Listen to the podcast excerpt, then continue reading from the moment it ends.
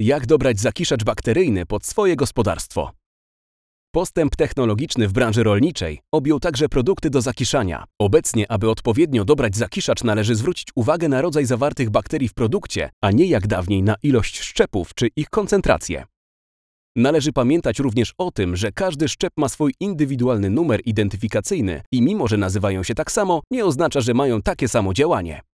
Wybierając zakiszacz bakteryjny, należy kierować się indywidualnymi potrzebami i rodzajem zbieranego materiału na kiszonkę. Mokrzejsze trawy oraz rośliny motylkowe wymagać będą głównie wsparcia ze strony bakterii homofermentatywnych, które poprzez produkcję kwasu mlekowego w szybkim tempie obniżają pH.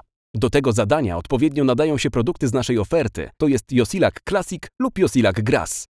Do zakiszania kukurydzy oraz roślin zbyt mocno podsuszonych idealnie sprawdzą się bakterie heterofermentatywne, produkujące nie tylko kwas mlekowy, ale również kwas octowy, propionowy i inne metabolity, które to zwiększają stabilność tlenową kiszonki po jej otwarciu. Taki rodzaj bakterii znajduje się między innymi w Josilac Ferm lub Josilac Extra.